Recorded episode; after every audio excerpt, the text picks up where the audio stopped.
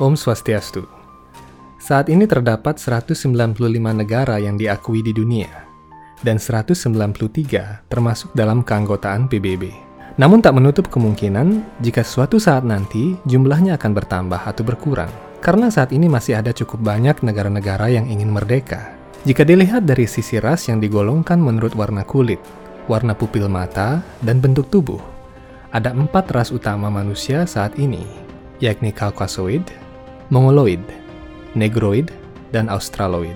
Akan tetapi, pembagian bangsa-bangsa di dunia menurut ras kini tidak dipakai lagi karena alasan kesetaraan sosial setelah Nelson Mandela dan Martin Luther King memperjuangkan kesetaraan antara orang-orang kulit hitam dan orang kulit putih. Pada zaman Veda, juga terdapat banyak bangsa yang tersebar di seluruh dunia. Dalam Veda terdapat setidaknya dua kategori utama penggolongan umat manusia, yakni berdasarkan ciri-ciri fisik dan habitat, serta berdasarkan kemajuan spiritual. Mendengar hal itu, di kepala Anda mungkin muncul berbagai pertanyaan. Bagaimanakah penjelasan Veda tentang bangsa-bangsa tersebut? Dan apakah mereka memiliki keterkaitan dengan umat manusia yang mendiami bumi saat ini? Demi memuaskan rasa penasaran Anda, kali ini kita akan memutar balik waktu untuk mengunjungi peradaban luhur di mana bangsa-bangsa dunia masih berlindung di bawah payung teduh dinasti Raja-Raja Suci Indraprasta dan Hastinapura. Video-video Hindu Times Channel telah dipakai sebagai referensi terpercaya di sekolah-sekolah, perguruan tinggi, dan pasraman Hindu. Semua itu adalah berkat sumbangsih tulus Anda untuk menyebarluaskan video ini. Peningkatan mutu konten Hindu Times Channel dapat kami lakukan karena dukungan Anda yang telah setia menemani kami. Setiap like dan subscribe yang Anda berikan menambah asupan energi kami untuk dapat memberikan yang terbaik dalam upaya mengenalkan keluhuran budaya Weda yang bagaikan mata air murni di tengah gurun tandus zaman Kali Yuga. Selain itu, Anda juga dapat mengunjungi situs web kami pada link yang tercantum di kolom deskripsi untuk menikmati artikel majalah Hindu Times secara gratis.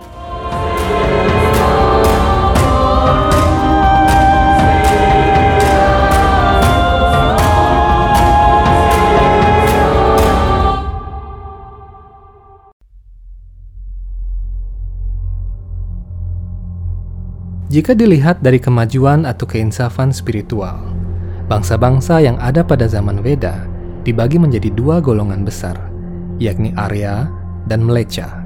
Golongan Arya adalah masyarakat manusia yang memiliki peradaban spiritual yang maju, ditandai dengan tegaknya prinsip-prinsip moral dan agama.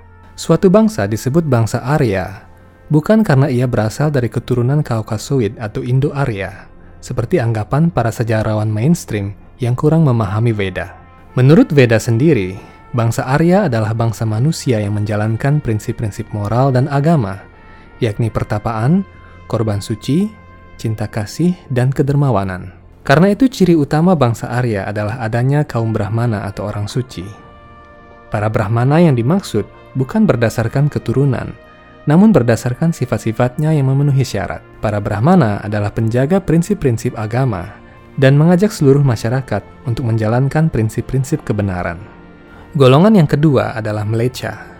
Meleca adalah golongan bangsa-bangsa yang tidak mempercayai prinsip-prinsip agama sebagai otoritas dan hidup tanpa aturan dengan meninggalkan prinsip-prinsip tersebut. Dalam sejarah Weda, banyak contoh raja-raja jahat yang ingin mengubah masyarakatnya menjadi meleca dengan cara tidak menghormati dan mengikuti orang suci. Mereka membunuh para orang suci dan melarang pelaksanaan yadnya atau korban suci. Pada akhirnya, raja-raja tersebut mengalami nasib yang mengerikan di tangan Tuhan Sri Krishna atau awatara-awataranya yang perkasa. Di sisi lain, ada pula pembagian bangsa dalam beda menurut ciri-ciri fisik dan tempat tinggal mereka. Untuk yang satu ini, sumber yang bisa dijadikan acuan adalah kitab suci beda Mahabharata dan Bhagavata Purana, skanda ke-11. Bangsa-bangsa di dunia yang beraneka ragam berawal dari awal zaman Treta Yuga, saat Maharaja Pururawa menurunkan berbagai keturunan yang tersebar di seluruh dunia. Salah satu putra Pururawa adalah Ayu. Ayu memiliki lima putra, yakni Nahusa yang menjadi leluhur para Pandawa. Putra keduanya adalah Ksatra Vridha, kemudian dilanjutkan oleh Raji, Rabha, dan Avena. Kemudian, Nahusa memiliki enam putra, dan Yayati adalah yang tertua. Banyak kesatria di dunia lahir dari garis keturunan Maharaja Yayati dengan istrinya Dewayani. Dan para kesatria keturunan Yayati akhirnya merosot menjadi meleca karena keangkuhan dan ego mereka yang tinggi. Banyak di antara kesatria tersebut dibunuh oleh para Surama, dan sisanya melarikan diri ke berbagai belahan dunia yang kelak menjadi cikal bakal bangsa-bangsa di zaman modern ini. Melihat kemerosotan bangsa-bangsa di dunia yang menyimpang dari jalan Dharma, Maharaja Sagara dari keturunan Ikswaku merasa prihatin dan menyatukan mereka di bawah satu bendera kekaisaran Surya Wamsa, menjadikan mereka kesatria-kesatria sejati dengan cara menyucikan mereka dari kontaminasi dosa atas karunia resi Aurwa. Demikianlah pada masa pemerintahan Maharaja Sagara di zaman Satya Yuga, bangsa-bangsa di dunia terangkat dari kemerosotan moral dan agama. Pada zaman dua para yuga yang berakhir sekitar 5000 tahun yang lalu, Maharaja Yudhistira dari dinasti Somawamsa melakukan hal yang sama. Kitab suci Veda Mahabharata mengisahkan bahwa beliau mengutus keempat saudaranya untuk menaklukkan bangsa-bangsa di dunia di bawah panji-panji Indraprasta dan Hastinapura. Praktis kala itu Indraprasta menjadi negara berdaulat yang paling kuat di dunia. Bangsa-bangsa tersebut sangat tangguh dan mereka semua ikut ambil bagian dalam perang di tanah suci Kuruksetra. Berikut adalah beberapa bangsa yang paling terkenal di antara bangsa-bangsa di dunia. Bangsa Huna Bangsa Huna dahulu adalah salah satu ras kesatria yang melarikan diri dari kejaran para Surama dan bersembunyi di wilayah pegunungan Alpen. Kemudian mereka menyebar di wilayah Eropa Utara, terutama Jerman dan beberapa wilayah di Rusia. Bangsa-bangsa yang hidup mengembara di pegunungan dan berburu binatang liar juga dapat digolongkan dalam bangsa Huna. Bangsa Huna turut andil dalam perang di Kuruksetra dan berpihak pada para Kaurawa. Kitab suci Veda Bhagavata Purana menguraikan bahwa bangsa Kasa adalah mereka yang mempertontonkan kumis yang panjang. Bangsa ini menunjuk pada orang-orang Rusia dan Mongolia kala itu yang hidup di wilayah utara dan terkenal dengan nama Kasa Desa. Kasa Desa merujuk pada wilayah Rusia, pegunungan Alpen, hingga bagian utara Asia. Negeri Kazakhstan mengambil nama dari Kasastana, kediaman orang Kasa. Bangsa Kasa terkenal karena kecakapan mereka berburu, kulit mereka yang putih kekuningan, dan anggota badan mereka yang tampan dan cantik. Bangsa selanjutnya adalah bangsa Kirata dan Romaja. Bangsa Kirata adalah orang-orang berkulit gelap yang hidup di India, Afrika, Australia Pasifik, Amerika, dan sebagainya. Sedangkan bangsa Romaja dilihat dari namanya. Kita dapat mengetahui bahwa mereka adalah luhur bangsa Romawi yang tangguh. Sisa-sisa peradabannya masih dapat kita lihat hingga sekarang. Bangsa lain yang disebutkan dalam kitab suci Veda adalah bangsa Yawana dan Pulinda. Bangsa Yawana pada awalnya berasal dari salah satu putra Maharaja Yayati yang diberikan kekuasaan di wilayah Eropa Selatan dan Asia Minor yang berpusat di Turki. Pada masa perang antara Kaurawa dan Pandawa, raja-raja dari bangsa Yawana berperang di pihak Kaurawa. Bangsa Pulinda dalam Mahabharata bagian Adiparwa disebutkan sebagai bangsa yang mendiami salah satu wilayah di India.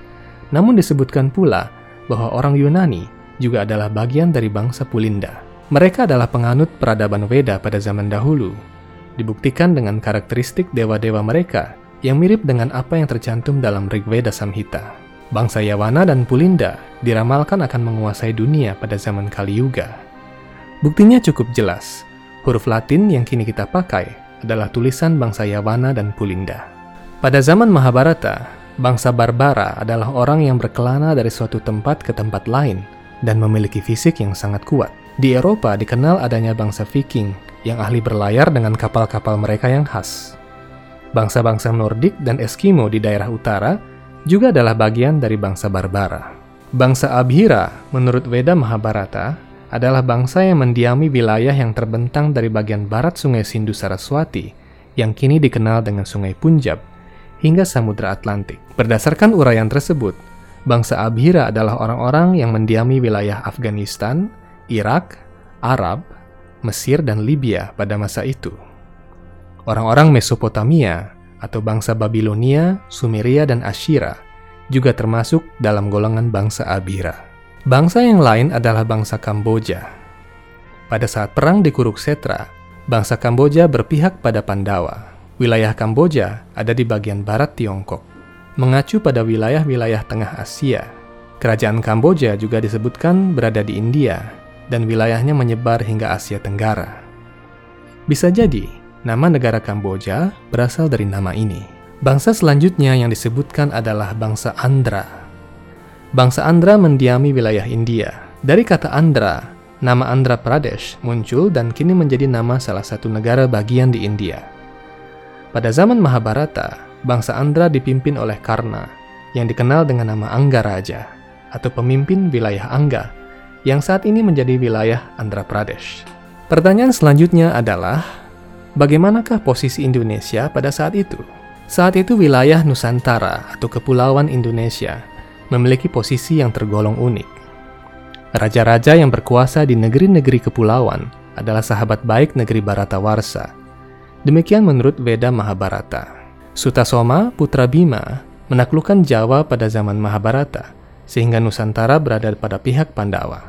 Menurut uraian dalam Bhagavata Purana, wilayah Malaysia dan Indonesia pada saat itu adalah penghasil cendana merah yang sangat harum dan diimpor oleh bangsawan-bangsawan Bharatawarsa untuk diolah menjadi pasta cendana dan dipakai sebagai sarana pemujaan ataupun untuk melumuri badan ketika musim panas.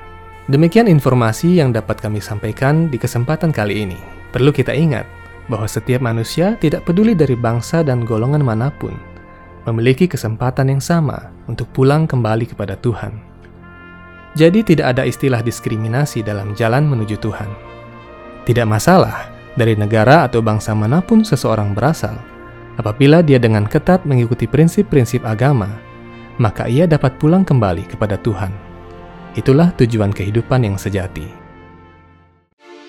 Sampai jumpa di episode-episode Hindu Times Channel yang akan datang. Tentunya dengan butiran mutiara-mutiara pengetahuan rohani Weda yang semakin berkembang dan menarik untuk diikuti.